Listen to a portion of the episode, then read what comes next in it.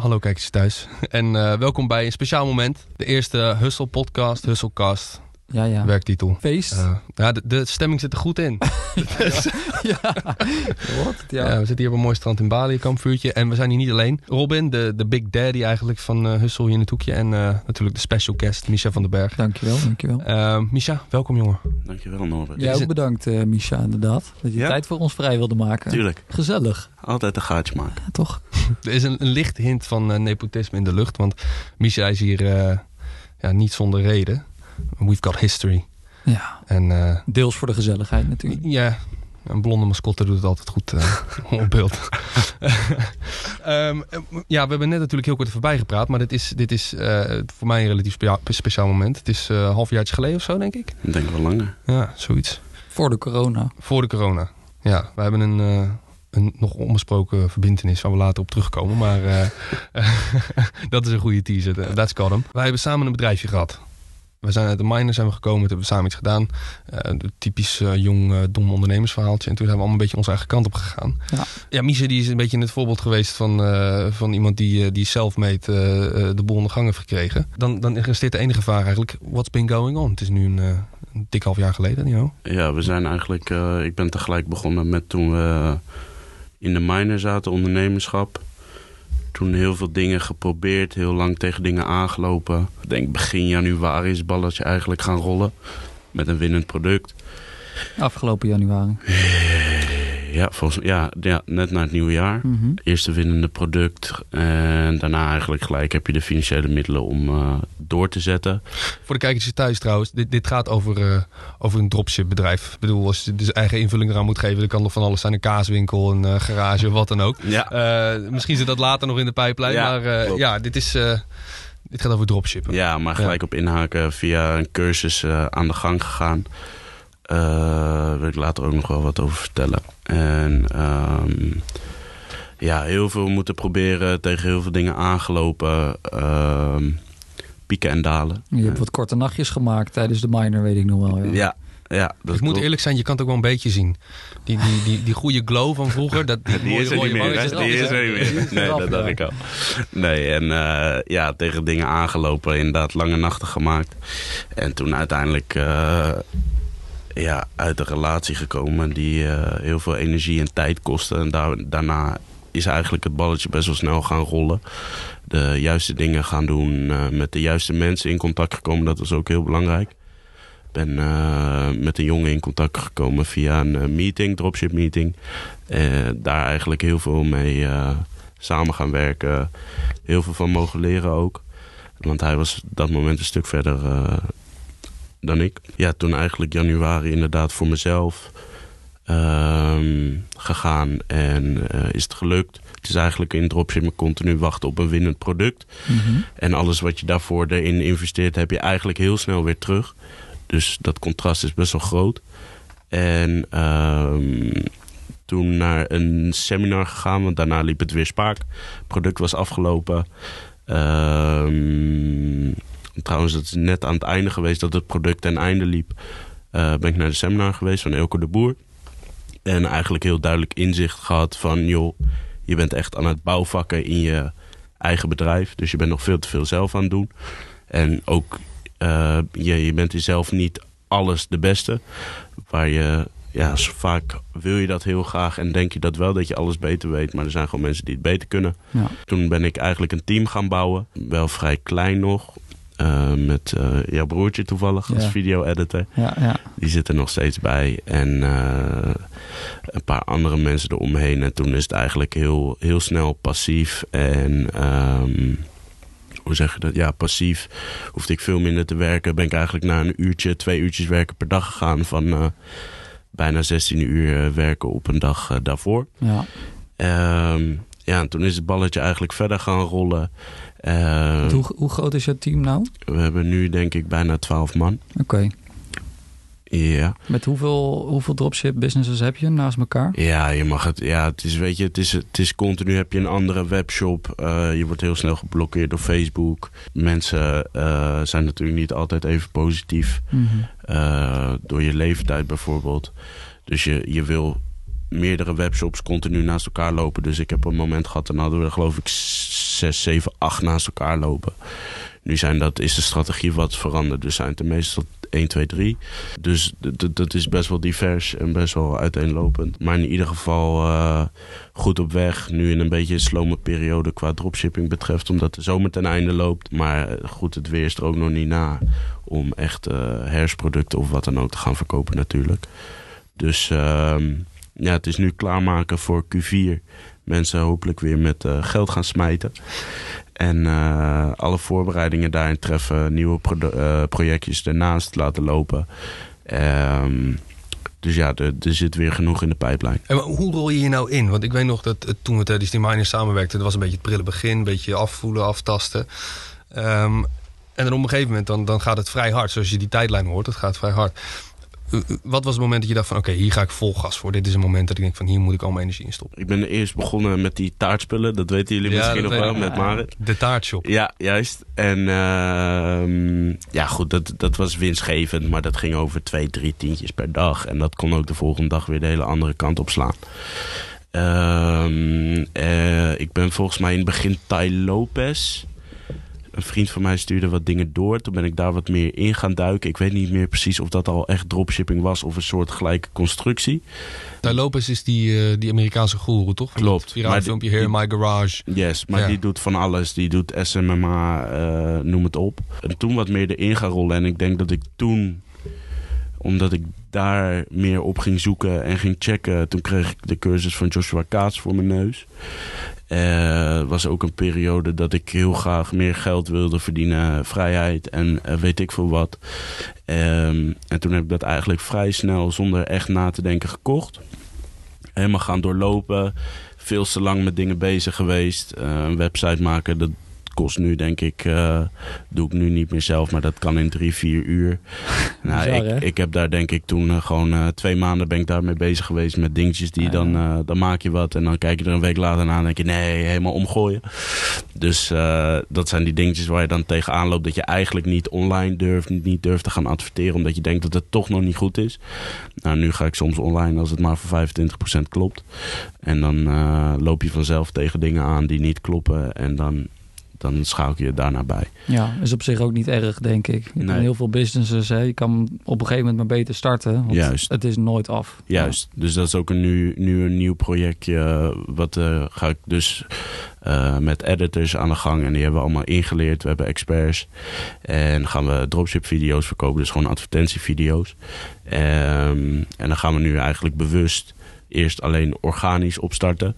Zodat we de, uh, aan de achterkant alles goed geregeld is. Kijk, het product dat we leveren hebben we geoptimaliseerd. Dat is helemaal perfect. Alleen aan de achterkant zullen we hoe dan ook tegen dingen aanlopen die nog niet uh, automatisch genoeg verlopen. En dan willen we eigenlijk eerst die bottlenecks eruit halen. Om vervolgens wel te kunnen schalen. Dus dat is nu een beetje, daar heb je van geleerd. Dus je gaat niet perfect van stap. Want het kan aan het einde weer heel anders uitlopen. En als je hierop terugkijkt, hè, dit, dit hele proces van uh, ja, de cursussen volgen, het proberen, het vallen, het opstaan, dat soort dingen. Uh, je hebt je dingen geleerd daarin. Zou je dat proces zoals jij het gevolgd hebt aanraden? Denk je dat het nog een viable manier is om op die manier uh, ja, naar wat beloofd wordt, die vrijheid, ja. zeg maar, te komen? Is dit de way? Uh, ja, dat is wat ik net zei. Ik wil ook nog wel wat vertellen over die cursussen. Die cursussen zijn, zijn vooral basic. Ja. Dus ik ga binnenkort ga ik in iets anders duiken. Enigszins affiliate marketing-achtig. Um, en nu heb ik gewoon een jongen gezocht die daar fucking hard mee gaat. Uh, en dan investeer ik daar wat meer geld in. Uh, maar um, die weet hoe het werkt. Uiteindelijk werkt dat veel sneller dan de cursus. Want de cursus is een basic. Hetzelfde met dropshipping. Ik heb de cursus van Joshua Kaats gevolgd. En daarmee heb ik eigenlijk zeg 70% geleerd. En uiteindelijk heb ik met die jongen die ik heb ontmoet, die heeft mij die laatste 30% bijgebracht. Maar uiteindelijk, die laatste 30% is het belangrijkste, want dat is de make it or break it factor. Ja. Ik weet ook dat het destijds um, hadden ze cijfers gepubliceerd van. Toen zaten er geloof ik iets om en naar mij 2000 mensen in die academie, waarvan maar 100, 100 mensen succesvol waren. Ja. En heel veel mensen denken dat het aan hun website ligt, aan hun, uh, video's, aan hun weet ik veel wat. Maar het, is het, het, het, het belangrijkste met, met dropshipping is je strategie. Ja. ja, ik heb ook altijd het idee gekregen alsof je inderdaad, je krijgt dat, dat, dat kader, dat framework krijg je geleerd. En dat is een heel belangrijke toolbox ja. om te hebben. Ja, ik heb het ook nodig gehad hoor. Ik, ik zou niet zeggen van koop het niet. Maar het is niet de volle 100%. Maar dat is eigenlijk ook hoe het bij ons op de miner ging. Ja, ja ze, ze, bieden je inderdaad een framework en ze leggen je hè, de, de modellen uit. Maar je moet het toch zelf gaan doen. En op het moment dat je ondernemers tegenkomt die er echt verstand van hebben, die leggen je uit hoe je het ook inzet. En dan ga je gewoon een uh, stapje dieper. Bij dropshippen en bij, bij die miner ook bijvoorbeeld, waar we nog verder op terug kunnen komen. Het, het komt denk ik vooral toch in op je eigen inzicht. Ja. Op de stappen die je durft te maken. En volgens mij is het moeilijkste is een niche vinden. Uh, tenminste, een van de moeilijkste dingen is gewoon dat, dat inzicht hebben in uh, welke kant je op nou, gaat. Uiteindelijk staat, ja. bleek dat best wel simpel. Een niche, dat is waar ik mee begon toen destijds met die taartshop. Ja. En uiteindelijk ben ik eigenlijk alleen maar one product stores gaan maken. Dus een, ik pak, ik test één product, ik kijk of het werkt. En als dat werkt, dan um, kan je dat opschalen. Als het niet werkt, stop ik er gelijk mee. Maar omdat je in dat begin dus zo lang bezig bent geweest met die webshop. Die webshop heb ik drie, vier maanden aangebouwd, denk ik. Ben je zo emotioneel attached op die website dat je zo graag wil dat het werkt. Omdat je er zoveel tijd in hebt gestoken. Um, dat is niet the way. En dat zie ik ook. Ik, ik doe af en toe wat coachings tussendoor. En dan zie ik ook jongens die net begonnen zijn... die heel graag willen dat een product werkt. Maar je mhm. ziet eigenlijk dat een product vaak werkt ja of nee. Soms voor de helft.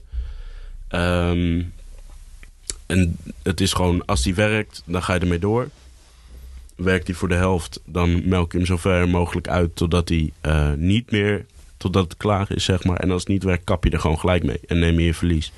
En als je dan gewoon doorgaat en blijft testen, dan kom je uiteindelijk gewoon bij een product dat werkt. En dan heb je al die verloren tijd, al het geld wat je hebt geïnvesteerd, dat heb je er gewoon met één goede dag uit. Denk je dat het een, uh, een terechte aanname is dat, dat uh, die, die barrier to entry, die lijkt relatief laag? Ja, maar... Jij kan een site bouwen, ik kan een site bouwen. En als ik twee euro eronder zit, dat is altijd het idee dat ik erbij heb gehad. Dan kan ik jou, uh, jouw taartschepje zeg maar gewoon wegdrukken van de markt. Ja, ja maar dat, dat is als je inderdaad nog niet heel diep in het wereldje zit, is dat inderdaad de mindset die mensen heel vaak hebben. Ja. Uiteindelijk ligt dat anders als ik meer advertentiebudgetten tegenaan gooi, mijn marketing, mijn aanbiedingen uh, sterker zijn. Dat hoeft niet eens met een lagere prijs te zijn. Dan uh, kom jij er niet eens meer tussen. Ja. Dus um, dat is een vertekend beeld. Maar goed, die, die barrier is voor mij natuurlijk gunstig. Omdat daardoor minder mensen, eh, zeker in het begin van het jaar, de markt binnenkwamen, zeg maar. En nu zag je met corona wel dat, uh, dat heel veel mensen online zijn gaan ondernemen. En dat er, er zijn geloof ik 8000 online ondernemers bijgekomen in de coronaperiode. Dat is bizar. Moet door. KVK-artikel inderdaad. Dat is echt enorm. Echt bizar. Ja. En uh, ja, dat zag je ook gewoon terug in de resultaten. Want begin corona ging eigenlijk, merkten we er als dropshippers denk ik heel weinig van. Er zijn mensen zo hard gegaan die nog nooit hard zijn gegaan. Die draaiden in één keer 20, 30k dagen. Dat is bizar. Ehm... En toen op een gegeven moment, toen zag je dat er veel meer mensen binnenkwamen, hun websitejes af hadden, gingen adverteren en dan gaan gewoon je kosten gaan gewoon omhoog. Dus uh, ja, en dat was uiteindelijk dat was ook wel eventjes een moeilijke periode, denk ik. Voor meer. En voor sommigen totaal niet, want die hadden gewoon een topproduct en die gingen gewoon als een speer. En we hadden het net even over die niche. Hè? Je geeft ook aan, ik doe stukjes coaching. Ik weet dat Peter uit ons team nou wil starten met een dropship business. En die is nu op het punt dat hij een niche en een product moet kiezen. Ja. Wat zou nou echt jouw tip zijn om, om dat zo goed mogelijk te doorlopen? Ja, die heb ik van mijn oude compagnon heb ik die eigenlijk geleerd. En die heeft, dat is een cursus geweest van Gabriel Saint-Germain, geloof ik. En die zei, uh, die gaf vier vier of drie punten. Het, is een, het moet een, een wow factor hebben. Dus iemand moet op Facebook zitten scrollen, jouw video zien en dan denken van holy shit, dit wil ik hebben. Ja. Uh, het moet een probleem oplossen. Uh, een oude winnaar van mij is een, uh, een bakje, een siliconen um, afsluitsel eigenlijk voor bakjes omdat mensen heel vaak met vershoutfolie en weet ik veel lopen te kutten. Ja, dat lag gewoon voor 3 euro bij de IKEA, maar ik verkocht het voor 20 euro. Mensen kochten dat gewoon omdat het, het, het ik kon precies alles weer leggen in die video. Mensen die vroegen zich vaak af van uh, iets met BPA. Dat, ik ben er niet in thuis, het zat er in ieder geval niet in. Dat is voor veiligheid en gezondheid, geloof ik. Het kon in de magnetron als je er een gaatje in prikt. het kon overal voor. Het is super handig. Ik heb ze zelf ook thuis liggen. Dat, dat is die marktverkoop dat ik. Ik heb zelf ook thuis. Ja, maar ja, ja uiteindelijk wel. Maar als het werkt, werkt het. En dus het, het, moet echt een wow factor hebben. Het moet een probleem oplossen. Je hebt het liefst dat het voor een hele grote doelgroep. Dus iedereen sluit bakjes thuis af. Dus iedereen kan het kopen. Dus mijn doelgroep was heel groot. Ehm, dus dat zijn wel drie. Het zijn er vier, maar vraag me even niet welke. Dat zijn, tenminste, ik vind dit de drie belangrijkste. Uh, en als je dan nog dat zou kunnen combineren met een, uh, een gepassioneerde doelgroep ja, dan is dat fantastisch. Uh, huismoeders, uh, de kortpittige vrouwen, we zijn er allemaal mee bekend. Dat zijn, uiteindelijk zijn dat heel vaak is dat je doelgroep. En ja, die, ja die, die vrouwen die staan in de keuken. En het wil niet altijd vrouwen zijn, maar die mensen zijn vaak in de keuken. Die willen wat afsluiten. Dat, iedereen kent het probleem. En ehm, dat is fantastisch dat je daar dan tegenaan loopt. En het is een stukje geluk en het is een stukje inzicht. Af en toe heb ik ook een product. Ik heb ook een paar producten gehad, winnaars, waarvan ik dacht: dit kan niet werken. Waarom koopt iemand dit? En die kochten, die gingen hartstikke goed. En ook dingen waarvan ik dacht: dit moet werken, dit is fantastisch. Dat werkt niet. Ik weet nog dat toen je die, uh, die taartshop had dan had je echt iets van 60 producten erop gedaan. Heel veel productomschrijving, dat soort dingen. En eh, het, het, ironische vond ik toen dat de topper een tijdje was een armbandje. Een bedelarmbandje met klopt. dingetjes. Klopt. Je, je, bedenkt het niet. Nee. You Het was een gepassioneerde doelgroep, want die mensen hielden van bakken. Ehm, het was iets wat eigenlijk bijna niemand anders deed, überhaupt qua dropshipping. Want het werd dus super afgeraden om horloges, armbanden, sieraden, weet ik veel allemaal te verkopen. Omdat dat dus heel heel veel al gedaan werd. Uh, alleen dit was dus in een niche. En ik heb dit ook gevonden via AliExpress, geloof ik. Normaal kijk je op Facebook, Instagram, zoek je andere dingen af en je hebt tools. En uh, dit was ook, er was maar één product van. Dus dat was eigenlijk al heel goed. Het had nou niet per se een wow factor. Maar ja, wanneer kopen die mensen nou, loop je tegen zoiets aan?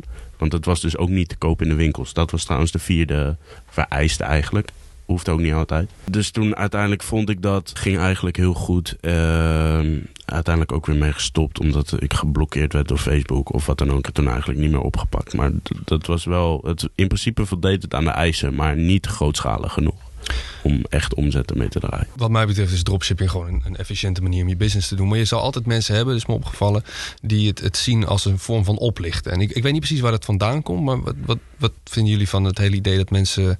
Je hebt letterlijk mensen in Facebookgroeps die, uh, die, die gewoon zeggen: dit moet je niet vertrouwen, dit is dropshippen. Ali versus de rest. Dat ja. denk ik, als er uh, dropshippers meekijken, dan weten ze precies waar ik het over heb.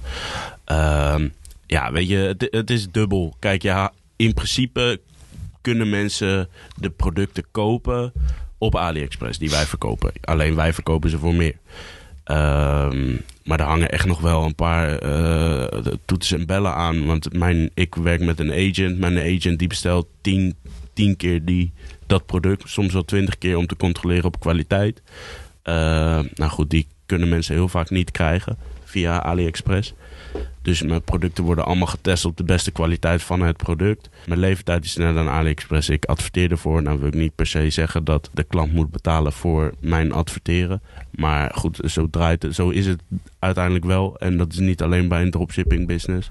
Maar ook bij andere businesses. Oh. Dus dat is denk ik niet heel verkeerd. Dat is hoe het werkt. En als je kijkt bij Bol, wat heel veel mensen niet weten, die bestellen bij Bol, dat komt ook allemaal uit China. Ja, precies. En 70% of 80% wat jij thuis hebt staan, komt ook allemaal uit China.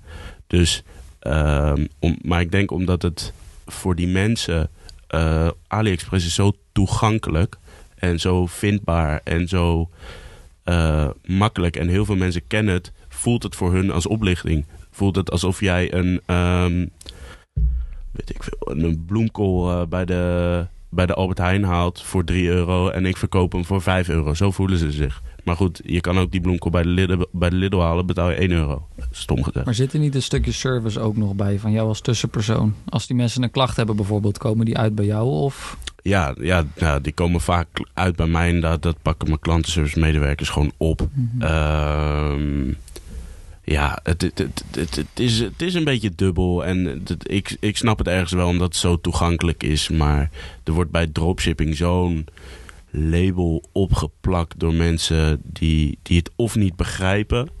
Uh, wat je nou daadwerkelijk doet. Ik denk ook dat dat grotendeels dat is, want mensen hebben aan de andere kant geen idee wat je er allemaal voor moet doen. En eh, je draagt ook echt wel risico's mee. Ik vind oplichting of wat dan ook niet terecht. Maar ja, tuurlijk, er zijn heel veel mensen die hun klantenservice niet netjes doen. Die hun producten niet leveren. Die als een pakketje kwijtraakt, niet een nieuwe uh, versturen dat soort dingen. Ja, Misschien ook niet die kwaliteitschecks doen. Eh. Ja, ja, tuurlijk. Er zijn ook nog heel veel jongens die, die coachen ook... die gewoon nog hun producten van AliExpress... Uh, letterlijk echt van AliExpress halen. En ik haal het gewoon bij de leverancier vandaan. Of die dan verkoopt op AliExpress, durf ik niet eens te zeggen. Tuurlijk, dat gebeurt. Er zijn mensen die of gewoon heel veel omzet draaien... hun product nooit leveren. Dat soort dingen. Maar goed, dat, dat is echt niet alleen bij dropshipping zo. Nee, precies. Kijk maar, uh, de, bol.com, uh, Coolblue is dan een heel goed voorbeeld van een bedrijf wat het heel goed doet. Die doen het echt heel goed. Maar er zijn zat voorbeelden waarin dingen niet kloppen. En dat, dat zal altijd zo blijven. Alleen ik, heb, ik vind heel erg dat dat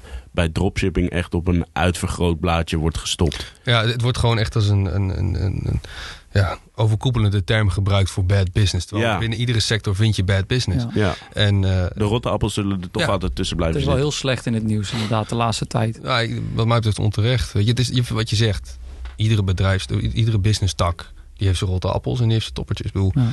uh, Coolblue is een, een, een uitstekend voorbeeld van, van good business, zeg maar. En die zullen ook nog steeds hun fouten maken. Ja, dus, maar ik, ik, denk dat het mooi ook is dat je tegenwoordig zoveel met die reviews werkt. En uh, ik bedoel, als mensen oplichten of wat dan ook, dan zou dat vanzelf aan het licht komen. Ja, komen ze lager, weet je. Ik ging laatst fitnesstouw uh, bestellen, inderdaad. Ja, je zou het niet zeggen, maar goed. Je moet wat. Daarom. En uh, ik had er op een gegeven moment tien naast elkaar gezet. Maar ik ging gewoon die reviews checken, weet je wel. En bij een aantal kon ik volgens mij zelfs ook zien van, joh, in de reviews, dit is een dropship business. Alleen, het was nog wel heel goed aangeprijsd. Kwaliteit was goed. Ik denk, nou, dan vind ik het niet erg, weet je. Als die mensen staan voor hun kwaliteit en ik betaal niet uh, onterecht een hele rare prijs. Why not? Nee, precies. Maar je ziet ook vaak niet dat er... Ja, in verhouding worden er wel gekke prijzen. Als je er zo naar kijkt, dan, word je, dan vraag je een gekke prijs. Dat is hetzelfde als dat product, dat dekseltje wat ik net vertelde. Volgens mij was dat inkoop was dat uiteindelijk 6 euro omdat je ook nog betaalt voor een snellere shipping. Inderdaad, wat je zegt, de, de kwaliteitschecks zitten erbij. En het is echt niet allemaal rotzooi. Sommige dingen wel. Ik heb ook producten verkocht die uiteindelijk niet zo goed bleken. Ja, ja, ja wat moet je erover zeggen? Ehm, dat is, of dat helemaal uh, eerlijk is en goed is. Ja, dat, ja, nee. Jij leert er ook van. Maar dat is ook voor mij een leerding geweest. En het is ook niet dat je mensen keihard oplicht en duizenden euro's of honderden euro's afhankelijk maakt. Het gaat vaak om twee, drie tientjes. Nou ja, en dan heb je ook heel vaak mensen die gewoon zeggen, denken van oké, ik heb de plank misgeslagen. Je komt er denk ik sowieso achter dat als je echt een brand wil bouwen, dan moet je garant zijn voor je kwaliteit. You know, dat, dat, daar kom je vanzelf achter. Dat is de marktwerking. Ja, dan moet je met trots kunnen vertellen over je product. Ja, dat doe ik nu ook niet per se. Omdat, maar ik ben ook totaal niet emotioneel attached bij mijn producten. Bij mijn website boeit me niet. Als er morgen een, een nieuw moet komen, komt er morgen een nieuwe. Om terug te komen op dat negatieve beeld vind ik niet heel terecht. Alleen ik denk wel dat het door media... Uh, heel erg wordt uitvergroot. En ik snap echt wel dat mensen daar fel op kunnen zijn of wat dan ook. Omdat het er zijn betere verdienmodellen, eerlijker uh, daarin. Maar ik vind het alsnog ja, onterecht. Want er zal altijd een betere zijn, er zal altijd een slechtere zijn. Het is en blijft handel. Ja. Het is niet voor niets gewoon legaal, toch? Ja, precies. Je, je doet helemaal niks geks. Uh, alleen ik denk vooral dat het door de toegankelijkheid komt van AliExpress en de bekendheid. Want als jij een bank bij de IKEA of een bed bij de IKEA gaat halen, die kopen dat ook voor 50 euro en die verkopen het ook voor, voor 400. Ja. Ja, dan hoor je ook niemand klagen. Ik ben opgelicht, ik ben opgelicht. Als je alleen maar een nobele handelaar bent als je zelf aan het lijden bent, ja, dan kom je nergens. Nee, you know, nee, precies. Een masochistische uh, verkoper, dat is niet... Uh... Ja, maar het is denk ik ook door de cijfers die je hoort. Er zijn dat ook iemand, of, of mensen draaien dan op een goede dag 30.000 euro. Ja, dat zijn echt bedragen. Dan denk je inderdaad, hoe, hoe krijgt hij dat voor elkaar? Ja, maar dat, dat maar er zitten ook gewoon heel veel uurtjes in. En ik bedoel, uh, heel veel mensen worden heel snel miljonair. Als je het goed aanpakt en je hebt uh, goed oog voor business, dan zie je de kansen. Weten jullie nog onze miljonairsdroom van een jaar geleden? Dat was oh. leuk. dat was leuk. Ja, dat was leuk. Het dat is een leuk begin. Ja, we, we hebben een, we hebben een paar plantjes staan hier. Alleen uh, we hebben ze niet, uh, niet in beeld gezet. Nee, nou ja. Kun je toch niet meer verkopen. Volgende podcast misschien. Eén ding wat, wat, waar ik heel erg gefrustreerd door was, en het is uh, voor een beetje context. Wij hebben dus samen een bedrijfje gehad en dat, dat was in de plantenbusiness. We hadden allemaal geen echt verstand ervan, maar we dachten, you know, we gaan het gewoon proberen. Ja. Uh, en ik zat laatst te denken, toen de hele COVID-situatie uh, uitbrak. ik kwam met een aantal huisgenoten en iedereen stuk voor stuk, die, die kreeg plantenfever. Ik weet niet of jullie het ook gemerkt hebben dat iedereen ja. had iets nodig om voor te zorgen. Ik, ik laat me alsjeblieft die passie kwijt kunnen. En, en een aantal mensen thuis die hebben echt zo'n urban jungle gebouwd met, met minstens 18 planten. En toen dacht ik van ja, waar waren jullie nou een half jaar geleden? Ja. Als een soort van een bittere, een soort van gefrustreerde ondernemer. Ik ben ook nog steeds overtuigd van dat, dat wat we toen hadden, dat dat gewoon kan werken. Alleen we hadden toen niet de middelen en de kennis om dat gewoon weg te zetten als iets succesvols. Maar ik denk dat dat... En het was een schoolproject, dus je moet alsnog binnen bepaalde richtlijnen handelen. En de focus ligt heel erg ook op het stukje onderwijs daarin. Precies. Het, het was, ik heb er wel van genoten. Ja, het was, het was leuk, het was een ervaring en we hebben er heel veel uren in gestopt. Echt heel veel uren. Maar ja, ik heb er ook weer genoeg lessen uitgetrokken en kunnen zien hoe ik dingen anders kon doen en weet ik veel wat. Dus ik zie dat niet per se als iets negatiefs. Ik denk wat is denk je het hoofdding wat je geleerd hebt uit het hele avontuur? Ja, dat, dat niet perfectioneren. Ja. Dat heb ik uiteindelijk heb ik dat in het begin van mijn eigen bedrijf eigenlijk ook gewoon nog een paar keer gedaan. Maar als ik dan terugkijk, dan denk ik dat dat wel iets is waar ik. Ja. Ja. Ja, we zijn er vrij lang bij blijven hangen. Natuurlijk moet je ook veel valideren natuurlijk vanuit de opleiding. Ja, klopt. En op een gegeven moment zaten we ineens uh, bij uh, de leverancier om de tafel. Hè? zag, je, zag je de planten inderdaad uh, hartjes in je handen. En ja, toen ging het eigenlijk best wel snel. En ja. toen zaten we ook al in de eindfase van onze miner. Ja. Er bleef eigenlijk te weinig tijd over. Klopt. Ja, ja het, was, het is lastig. Ik denk dat Vielen het ook... mensen weg. Ja. ja. ja. Ja, dat was zonde, maar ik, ik denk nog steeds dat dat, dat, iets leuks is. Want er, er was zeker concurrentie uh, op dat gebied. Alleen ik denk dat we wel een, een USP hadden van uh, mensen die planten wel leuk vinden in hun huis, maar er niet per se uh, drie, drie uur door een uh, tuincentrum of uh, bloemzaak willen lopen. Van kijk, oh, pas dit, pas dit bij elkaar. Ja. Ja. We hadden gewoon de complete plantpakketten natuurlijk. Je, je kocht het, je kreeg thuis. Huisje, neer. boxje, plantje. Juist. dus je zette dat neer en je was klaar. En er zat nog een, en een, eh, een, kaartje bij om het te verzorgen natuurlijk. Dus eh, dat was ook allemaal uh, in orde. Dus je, je leverde wel iets compleets. Ja, kijk, die concurrent had toen volgens mij een app. Ik weet niet eens meer. Ja, daar sta je sowieso voor. Ik bedoel, uh... Die liepen gewoon twee jaar voor. Ja, maar ik, ik, ik vond het vooral fascinerend om te zien dat het dan op een gegeven moment krijgt het echt vorm. En dan zit je inderdaad bij die leverancier en denk je, oh fuck, it's happening. En uh, op een gegeven moment, ja, dan, ik bedoel, het, het, het liep niet als een tierenlier. Maar die verschillende stappen die je maakt in het hele proces, die zijn zo leerzaam. En daar kijk ik heel erg, ja, uh, niet per se rooskleurig, maar gewoon tevreden op terug. Dat, uh, Michel en ik hebben toen een tijdje uh, drie dagen op de beurs gestaan. Toen hebben we echt met beperkte middelen hebben we, nou, best wel iets neergezet waar mensen enthousiast over waren. Ja. En dat laat je ook zien dat inderdaad wat jij zegt, dingen hoeven niet perfect te zijn. Nee. Als je maar gas erop houdt, dan komt er iets. En dan merk je vanzelf wel welke kant het op gaat. Ja, en op die beurs deden we het natuurlijk uiteindelijk best wel goed. Die eerste dag was volgens mij best wel struggle. Ja inkomen en niet mensen durven aanspreken en weet ik veel wat. En toen uiteindelijk zagen we ook dat als wij mensen naar die stand toe trokken, dat, dat dat er juist meer publiek heen kwam omdat er iets te doen was. En mensen vonden, dan zelf, vonden het zelf ook een drempel. Daar hadden we ook wel hele mooie schotjes aan, hè, van die strakke tuniekjes. Ik denk dat dat is ook mhm. echt een huzarenstukje geweest. Ik vond het ook wel echt mooi om te, om te horen dat jullie gewoon langs inderdaad een woonboulevard zijn gegaan en zeggen jongens, hè, we hebben hulp nodig, we hebben eigenlijk geen budget, maar willen jullie ons helpen? Ja, en mensen vinden het gewoon gaaf, ja. die supporten dat en uiteindelijk hadden jullie uh, een hele stand van... Uh... Kunnen we nog een beetje promotie doen uh, als bedankje of niet? Ja. aan het einde een paar Piet Klerk, shout Piet Klerk, shout-out Piet Klerks. De jonge ondernemer moet je ondersteunen, zei hij. Ja, leuk ja. man. Nee, maar dat, dat, ja, maar dat is ook gewoon uh, ondernemers. Uh, brutaal zijn, dat soort dingen proberen. Nou, volgens mij hadden we uiteindelijk een inboedel van 6 of 8k staan. Die we gewoon mochten lenen. Ze hadden niet eens onze namen, geloof ik. Misschien alleen een telefoonnummer. we zijn nog richting de grens van Duitsland gereden. We dachten, we kunnen ook gewoon weggaan, you know. Ja. Winst hebben we gepakt. Ja. ja maar, niet geworden. Nee, maar uh, nou ja, dat, dat zijn wel dingen. Af en toe moet je ook een beetje creatief zijn. Ja. En Norbert, wat was dus de grootste les die jij eruit hebt gehaald, denk je? Ah, naast het feit dat, dat ja, lang in een kleine ruimte met Miesje zijn is, is best wel zwaar voor je mentale gezondheid. Dat is één ding wat ik geleerd. Meer ruimte is heel belangrijk. Ja. Een van mijn kwaliteiten is dat ik kritisch ben.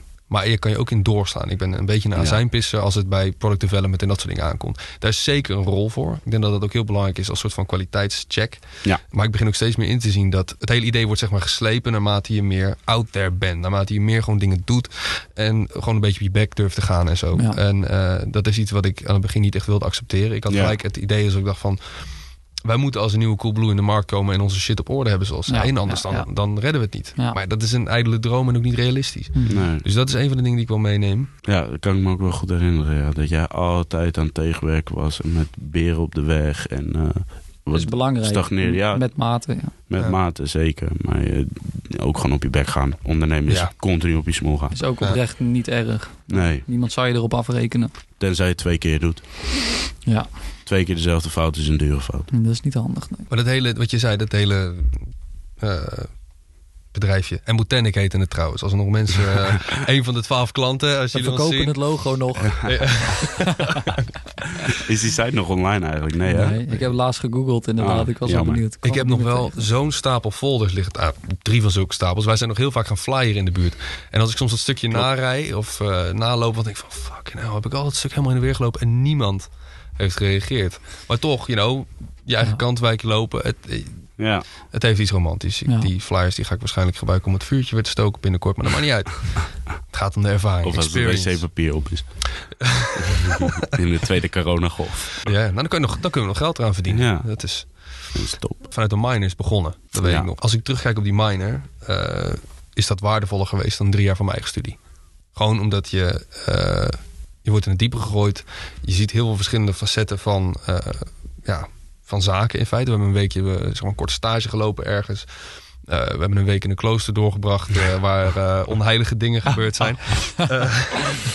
Zeg er maar niet te veel over. En, en toen zat ik te denken van ja, dat is, dat is een vorm van onderwijs die mij nog wel aanspreekt. Maar dat droge leren van, van eh, ja, maar opvangen en vakkenpakketten en dat soort dingen. Ik heb daar nu best wel mijn twijfels bij. Er zit heel veel van mijn eigen geld in. Mhm. En als klant moet je kritisch zijn. En vooral nu ook in die tijd dat iedereen thuis zit en je krijgt een soort van les via een schermpje en dat soort dingen. Denk ik dat je ook best wel een, een shift gaat zien eh, eh, in onderwijs en hoe je jezelf onderwijst in feite. Je hebt bijvoorbeeld een voorbeeld van iemand die eh, op een gegeven moment heeft gezegd van nou ja, eh, ik heb deze kennis nodig. Ik doe een cursusje hier, een seminartje daar. Ehm, en you know, ik zoek het wel uit. Ja. En, eh, hoe denk jij erover? Denk je dat die versplintering, dat dat, dat terecht is? Dat dat Nou, waar is? Kijk, weet je, het- onderwijssysteem valt natuurlijk sowieso heel, heel kritisch op te zijn. Er valt genoeg te zeggen. Ik ben overal kritisch op. Ja. Kijk, weet je, een vriend van mij die studeert medicijnen. Ja, dan, dat moet. Dat moet. Dat, voor dat soort vakken denk ik gewoon... als je zo'n vak wil uitoefenen... dan moet je gewoon een goede opleiding hebben gehad. Een Wikipedia-pagina is dan niet voldoende. Nee, van joh, moet ik nu, nu zijn knie of, eh, knie of enkel eh, afsnijden? Ja, wordt geopereerd in uw blinde arm. Ja. Oh, oh, blinde darm was. Oh, oké, oké. Dan krijg je dat soort dingen. Dus Ja. qua dat denk ik wel, onderwijs is goed. Maar ehm, als jij wil gaan ondernemen en niet voor een baas wil werken... en een bepaalde vrijheid wil in je leven... dan is dat niet te halen uit een, een studie die nu wordt aangeboden. Er, er beginnen wel een paar dingen op te komen nu, geloof ik. Dat idee heb ik ook inderdaad. Ik hoor best veel signalen van Ja. mensen die nog op school zitten. En dat er zoveel meer eh, ondernemerschap wordt geleerd. Ja, klopt. Dat is positief. klopt. Gewoon En- in de vorm van vakken of zo. Dat- Ja, gewoon letterlijk het vak ondernemerschap. Alleen, eh, dat, dat blijft nog steeds heel breed.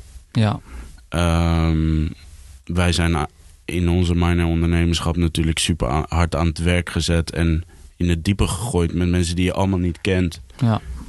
Begin maar een bedrijf. Ja. Of althans, bouw een bedrijf. En wij hadden dan eh, met z'n vijven natuurlijk, we willen echt iets starten. Ehm, maar voor de rest, met mijn eigen studie, dat komt niet terug. Heel veel jongens om me heen die succesvol zijn in dropshippen, die hebben geen opleiding. Die zijn naar de MAVO, HAVO, weet ik veel wat, zijn gewoon gekapt. Dat gebruiken ze ook vaak als USP. Ja, Ik heb mijn opleiding afgemaakt en ik Ja. zit nu in Bali. ja. Die heb ik heel veel voorbij zien komen. Ja, maar nee, er zit een kern van waarheid in. ja, tuurlijk. You know? Ja, dat, dat, dat is ook zo. Ehm, en het zijn ook echt niet allemaal de, de meest intelligente gasten. Maar ze hebben gewoon ontzettende drive, goede, eh, goede mindset, discipline. Ehm, waardoor ze er alsnog komen. En eigenlijk op school zouden ze afgeschreven. Het zijn, heel vaak zijn het allemaal... Zeiden ze ook altijd tegen mij, er komt echt niks van jou terecht.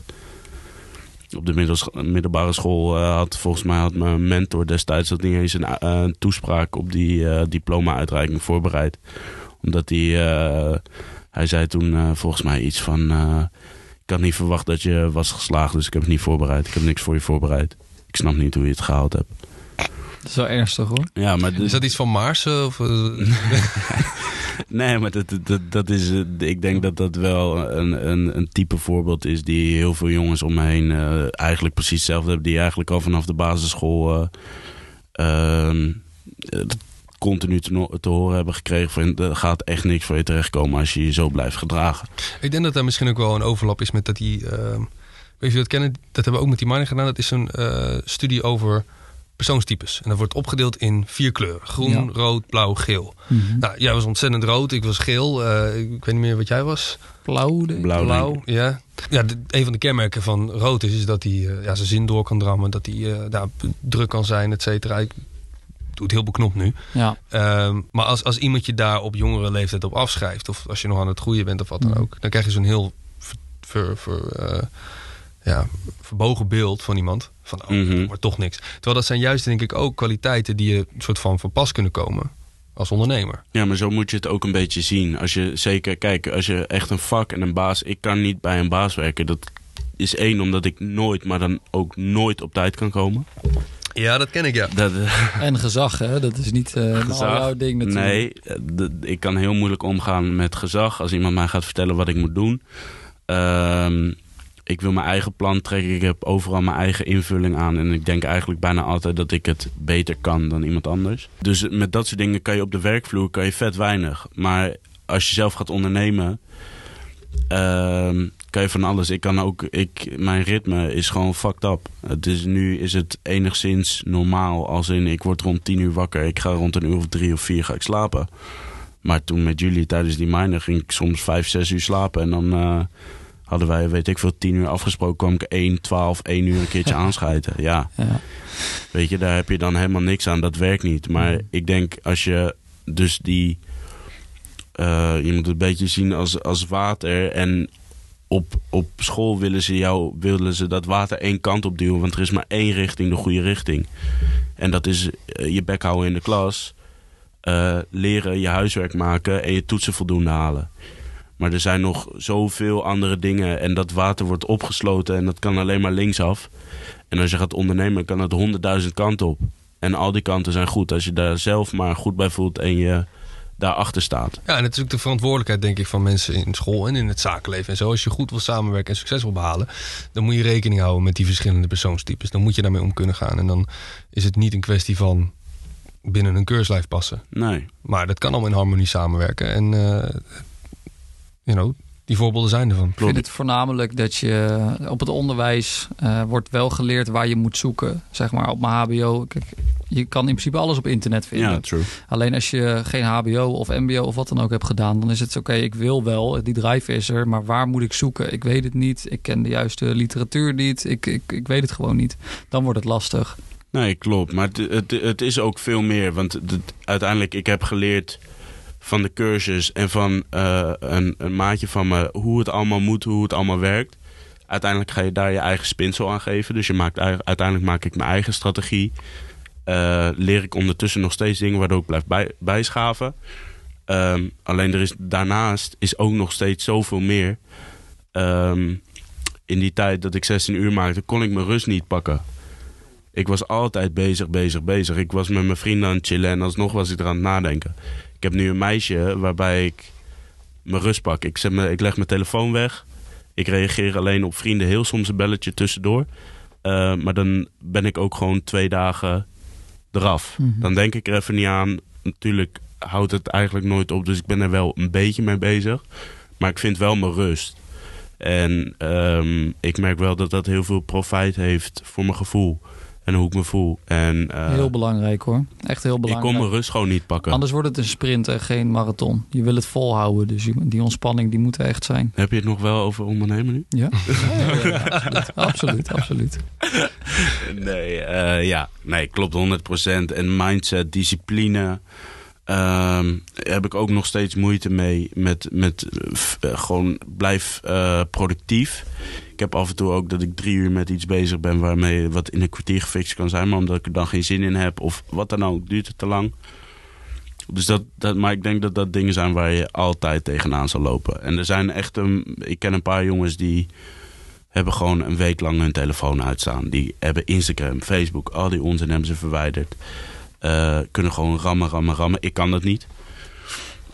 Niet zo als zij dat doen. Want ik hecht wel best wel veel waarde ook aan mijn sociale leven. Mijn vrienden, familie, alles eromheen. Vind ik ook heel belangrijk. Dus ook om hoe ik me dan voel. Ik zou daar denk ik heel ongelukkig van worden. Een week lang uh, geen contact en alleen maar werken, werken, werken. Hebben jullie eens een punt gehad waar je dacht van... oké, nu zit de workload te hoog. Op een gegeven moment is de balans weg. En, uh... Ja, een aantal keer wel, denk ik. Ik denk zeker in de beginfase van je bedrijf dat het er ook gewoon bij hoort. Ja, je moet die momenten wel echt herkennen en er dan op inspelen. Ja. En het is prima om uh, een weekend en de tweede weekend en derde weekend over te slaan. Maar als je dat vier, vijf, zes keer doet, op een gegeven moment is er een punt dan dan gaat het niet meer. En dan gaat het je bedrijfsresultaten ook echt niet ja. verder helpen. Dan moet je eigenlijk voor jezelf kiezen. Ik weet bijvoorbeeld bij ons uh, tijdens de minor, toen deed ik daarnaast nog het uh, maintain design toen met Martijn erbij.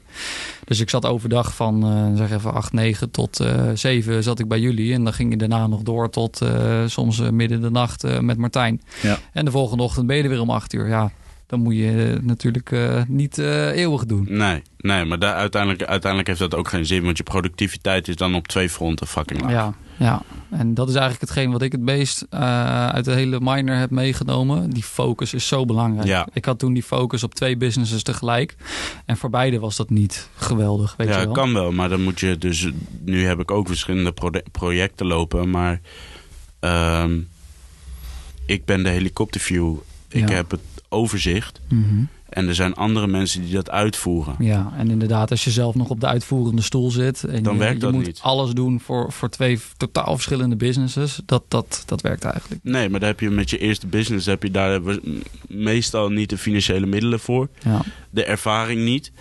Ehm, en weet je, ik ben ook pas twee jaar aan het ondernemen, denk ik. En ik heb ook niet alle ervaring en alle dingen die misschien iemand anders heeft die twee jaar Die zijn misschien veel verder. Ja. Want ik, ik doe eigenlijk nu heel weinig met persoonlijke ontwikkeling. Maar ehm, je weet dingen hoe dingen werken. En het is misschien zelfs heel moeilijk om dat tastbaar te maken en uit te spreken wat het daadwerkelijk is. Ik denk dat je voor jezelf een bepaalde handelingswijze gaat creëren. Uh, op basis van hoe je afwegingen maakt, hoe je handelt, um, hoe je acteert tegenover je personeel ik denk dat dat, dat, dat, dat, dat hoort bij je. En natuurlijk kan daar nog in gestuurd worden. En er kan ook bij mij kan daar nog heel veel in verbeterd worden. Um, maar ik denk wel dat ik de slag te pakken heb. Stel, je zou nu al mijn geld afpakken en ik zou geen financiële middelen uh, hebben, dan, zou ik, dan weet ik dat ik met mijn kennis er toch wel weer kom. Ja. Dan ga ik weer mijn fucking Chinees bezorgen. en dan, als het nodig is, als, is het als nodig. het nodig is, is het nodig. En, en, misschien gebeurt het ook wel. Misschien draai ik een keer helemaal failliet en moet ik helemaal opnieuw beginnen. Ik weet het niet. Ja. Uh, maar ik heb die kennis, dus dan moet ik maar weer gaan werken bij de Chinees en uh, gaan bezorgen en dan heel langzaam weer kapitaal opbouwen. Maar ik weet toch wel dat ik er weer kom. Ja.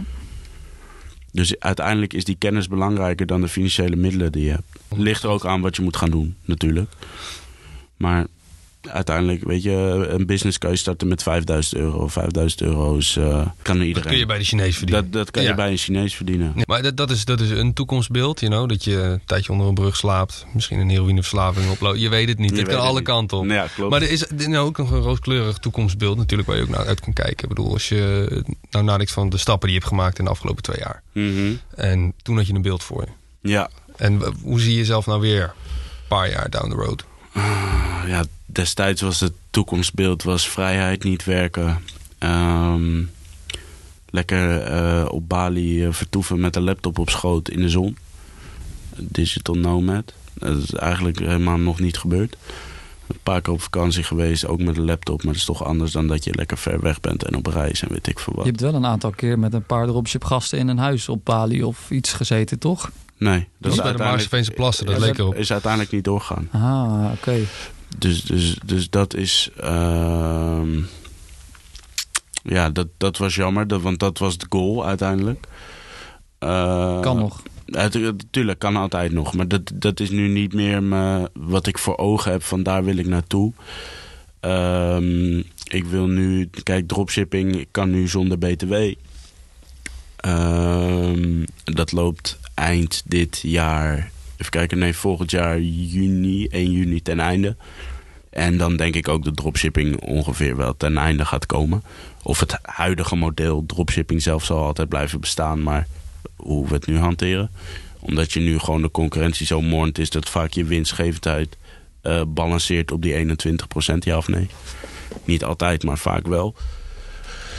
Dus ik denk dat dat uh, straks een einde komt. En dan gaat het worden een brand of iets verder in e-commerce in ieder geval. Uh, om daarmee iets te gaan doen. Dus ik wil echt een brand. Het liefst geen kleding. Um, omdat ja, heel veel mensen doen dat, maar het retour is natuurlijk best wel hoog. Qua maten. Uh, hebben we trouwens in de mine hebben we daar natuurlijk ook nog vet. Zijn we daar vet veel mee bezig geweest? Ja. Plan A. Um, dus, dus ik wil iets met een brand of iets, iets creëren waarmee je terugkerende tevreden klant hebt. Uh, gewoon iets eigens creëren binnen de e-commerce. Ja, iets, ja, iets gewoon iets waar je trots op bent en uh, waar jullie nu mee bezig zijn. Dat is zoiets. Uh, iets waar je, mee, waar je wel emotioneel aan gehecht bent. Wat je tof vindt, wat je door wil blijven in, ontwikkelen en continu met hetzelfde bezig zijn, maar innoveren. Dat vind ik ook heel leuk. En nu ben ik eigenlijk constant natuurlijk met andere dingen bezig. En straks wil ik wel gewoon met één vast ding waar ik super tevreden mee ben, wat werkt. Um, ja, wil ik aan de slag. Dat is wel het toekomstbeeld. En uh, ondertussen ook in, in, in een uh, vastgoedcursus investeren. Dat staat, ook, dat staat op de korte termijn planning eigenlijk voor eind dit jaar. Dat is gewoon jezelf safe zetten voor... Um, Pensioen opbouwen. Ja. ja. Ja, gewoon jezelf safe zetten dat wat er ook gebeurt, dat je altijd dat achter de hand hebt. Het geld zit gewoon altijd in de steentjes. Cool. ja. Wat een goede reactie op een diepe quote. Geld is altijd in de steentjes. Ja, ja dat zal wel, joh. Ja. ik vind hem cool. Haalbaar, Misha. Ja, Ga zeker, ervoor. Zeker haalbaar. Dus, Husselen. Ja, hussel. Hussel. Hussel. Nee, ja, nee dat, dat is wel uh, wat ik in mijn hoofd heb en daar moet ik naartoe werken. Ik durf niet meer te zeggen, maar cool. Cool, cool. de droom is, je hebt gezien dat als je, als je een doel voor ogen hebt, dat je daar prima kan komen. Je zal vast wel een keer op je, je blonde bek gaan, zeg maar. Maar uh, dat is ook alweer part van de journey. Ik vind vooral dat stukje over vastgoed vind ik interessant. Want het is op een plek komen waar je comfortabel bent met je, met je inkomen is één ding. Ja. Het houden. Ja. Dat is een tweede. Ja, maar dat zeker in dropshipping is dat heel, ja. heel fluctuerend je kan de ene, ik had de een maand had ik drie ton en de volgende dag had ik, uh, of die volgende maand had ik uh, 40.000 euro omzet. Ja. Dan, uh, dan, denk je ook, wat de fuck is hier gebeurd? Wat doe ik wat verkeerd of wat dan ook? Maar dat, dat hoort er gewoon bij, dat is part of the game. Alleen je moet gaan zorgen, je moet continu naar de toekomst blijven kijken. Kijken wat je aan het doen bent. Um, en hoe ga ik zorgen dat dit volgend jaar, dat ik mezelf verbeter, blijf improven. En inderdaad ook langetermijnvisie. Niet alleen naar volgend jaar kijken, maar ook naar tien jaar. Hoe zorg ik dat ik over tien jaar nog steeds er zo bij zit, of zelfs beter als nu? Ja. En ook het enige, ik heb heel weinig boeken gelezen, alleen het enige waar ik echt achter sta is die uh, wet van aantrekkingskracht, Law of Attraction. Dat als je positief blijft denken, dat je ook positieve dingen aan, uh, aantrekt. Ik had toen, ik was, dat was toevallig dezelfde meeting als dat ik die oude compagnon had ontmoet. En toen zei uh, René tegen mij van je moet even deze film kijken. Uh, dat was uh, die Law of Attraction. En ehm, dan gaven ze, geven ze in het begin al volgens mij het voorbeeld van stel je stapt uit bed. je stoot je knie of je stoot je teen, weet ik veel wat. Vervolgens loop je uit je kamerdeur en je blijft met je broek. Blijf je met die lus aan die deurklink hangen, weet je wel? Ja dat is een gevolg. Want je, je bent dan boos, je kijkt niet uit, je loopt, uh, verstrooit je deur uit en dan blijf je hangen. Vervolgens lig je nog beneden aan de trap. Dan gaat het door. Als jij van in een negatief beeld zit, uh, blijf je daar vet in hangen. Dus ik probeer altijd positief te zijn, positief te denken. Oké, het gaat nu niet goed, maar ik ben er nu mee bezig om daaruit te komen. En dan komt het ook echt vanzelf. Als je niet opgeeft, door blijft, door blijft gaan en positief blijft dan ga je het uiteindelijk toch wel halen. En of dat nou over een half jaar is of over twee jaar, het boeit niet. Het kan zijn op zo'n moment dat de emotie overheerst. Maar vaak als je dan hè, even gekalmeerd bent en je kijkt terug op de situatie, haal je al die lessen eruit. En soms ben je zelfs blij dat iets gebeurd is. Ja, klopt. Ik denk alleen het, het enige wat, wat nu, wat, om terug te komen op die goeroes en op die cursussen. Uh, je wordt natuurlijk overgehaald op. Uh, ze kopen allemaal Lamborghini en Ferrari en weet ik veel. Uh, nou, kijk naar al die jongens. Ehm, dat moet niet je motivatie zijn. Ik denk dat als geld je motivatie is, je echt, echt je nummer één. Misschien werkt het voor sommige mensen. Alleen ik denk dat als, als geld jou overheerst, dan gaat het niet lukken. Geld moet een middel zijn en niet het doel eigenlijk. Juist. Ik denk dat iedereen op een gegeven moment wel op zo'n punt komt van beseffing. You know, als je je derde Rolls Royce hebt of wat dan ook, dan zul je altijd wel meer perspectief hebben op een gegeven moment. Maar het is gewoon een van de dingen die heel aantrekkelijk is voor een bepaalde doelgroepen. Nou, voor de meeste mensen, you know. Het is interessant. Het is leuk om te zien. en dat maakt je hongerig. En de nuance die komt denk ik later. Ja. Voor zowel de mensen die het hebben als de mensen Inderdaad. die erin zitten. Ja. Misschien heb je daar gelijk in. Het maakt mensen hongerig. En dat zal incentrieke motivatie geven. Maar dat, dat moet een, een bestandsdeel zijn. Dat moet niet jouw nummer één ding zijn. Uh, ik heb genoeg jongens die ik ken die zeggen... ik wil dan en dan wil ik een auto hebben. Wil ik een, uh, weet ik veel, een... Uh, GTI halen, zeg wat. Als dat, dat is een doel, maar dat zal nooit hun nummer één doel zijn waar ze naartoe werken. En misschien voor een autogek kan dat heel goed werken, maar ik praat nu dan over het algemeen. Denk ik niet dat dat je motivatie moet zijn. Nee. Voor mij is dat dingen terug kunnen geven aan mijn moeder, die uh, fucking lang uh, echt heeft moeten strijden om alles, alle touwtjes aan elkaar te binden. En dat ik dan nu wat terug kan geven. En dat is voor mij, dat, dat laat mij me goed voelen over hoe hard ik heb gewerkt. En niet dat ik een klok kan kopen of dat ik uh, een paar schoenen kan kopen of merkkleding kan kopen. Dat, uiteindelijk is dat, dat is een rush. De belangrijke dingen in het leven gaan echt wel verder dan materiaal. Ja, ja. want daar, dat, daar, daar blijf je aan, aan, aan hechten. Mijn moeder zegt, ik had een tv gekocht voor mijn moeder. Mijn moeder kon het niet meer goed zien. En mijn moeder zegt nog steeds, nu na twee maanden zegt ze... Oh Mies, daar zitten we op de bank. Zegt, oh Mies, wat een, wat een ding. en dat geeft me dan tien keer een beter gevoel dan dat fucking, uh, weet ik veel, uh, Gucci t-shirt. Wat je na drie keer kijkt en nadenkt, ja, wat is dit er nou voor drie meijer? Ja. Dus ik ben daar ook sowieso met merkkleding en zo ben ik ook gewoon helemaal gekapt nu. Wat ik heb, heb ik. Ik ga het ook niet weggooien. Vind ik ook zonde. Maar ik ga het niet meer kopen. Het is goed om erbij stil te staan. Maar dat doe je wel, als ja, het zo hoor. Ja, is gewoon, is gewoon onzin. Eigenlijk. Mensen kopen dat omdat ze iets willen compenseren, omdat ze iets willen laten zien. Maar het boeit mij helemaal niet wat iemand vindt van de kleding die ik aan heb. Als ik vind dat ik zelf, als ik zelf vind dat ik er goed uitzie en dat ik goed gekleed ben, dan is dat toch veel belangrijker dan dat er wel of geen Gucci op mijn shirt Vind ik ook hoor. Jij Norbert? Nou, vind je dat je er een beetje mals uitziet vandaag, Misha? Of is dat, uh, wat, you know, wat voor cijfer ja, Je treft me niet op mijn beste dag na drie uurtjes slaap. Ah, oké, het was er weer zo in. Het was er weer zo eentje. Nou, mooi. Vanavond een beetje bijslapen. Of, dat denk ik ook wel. Ja? Blijven strijden, jongen.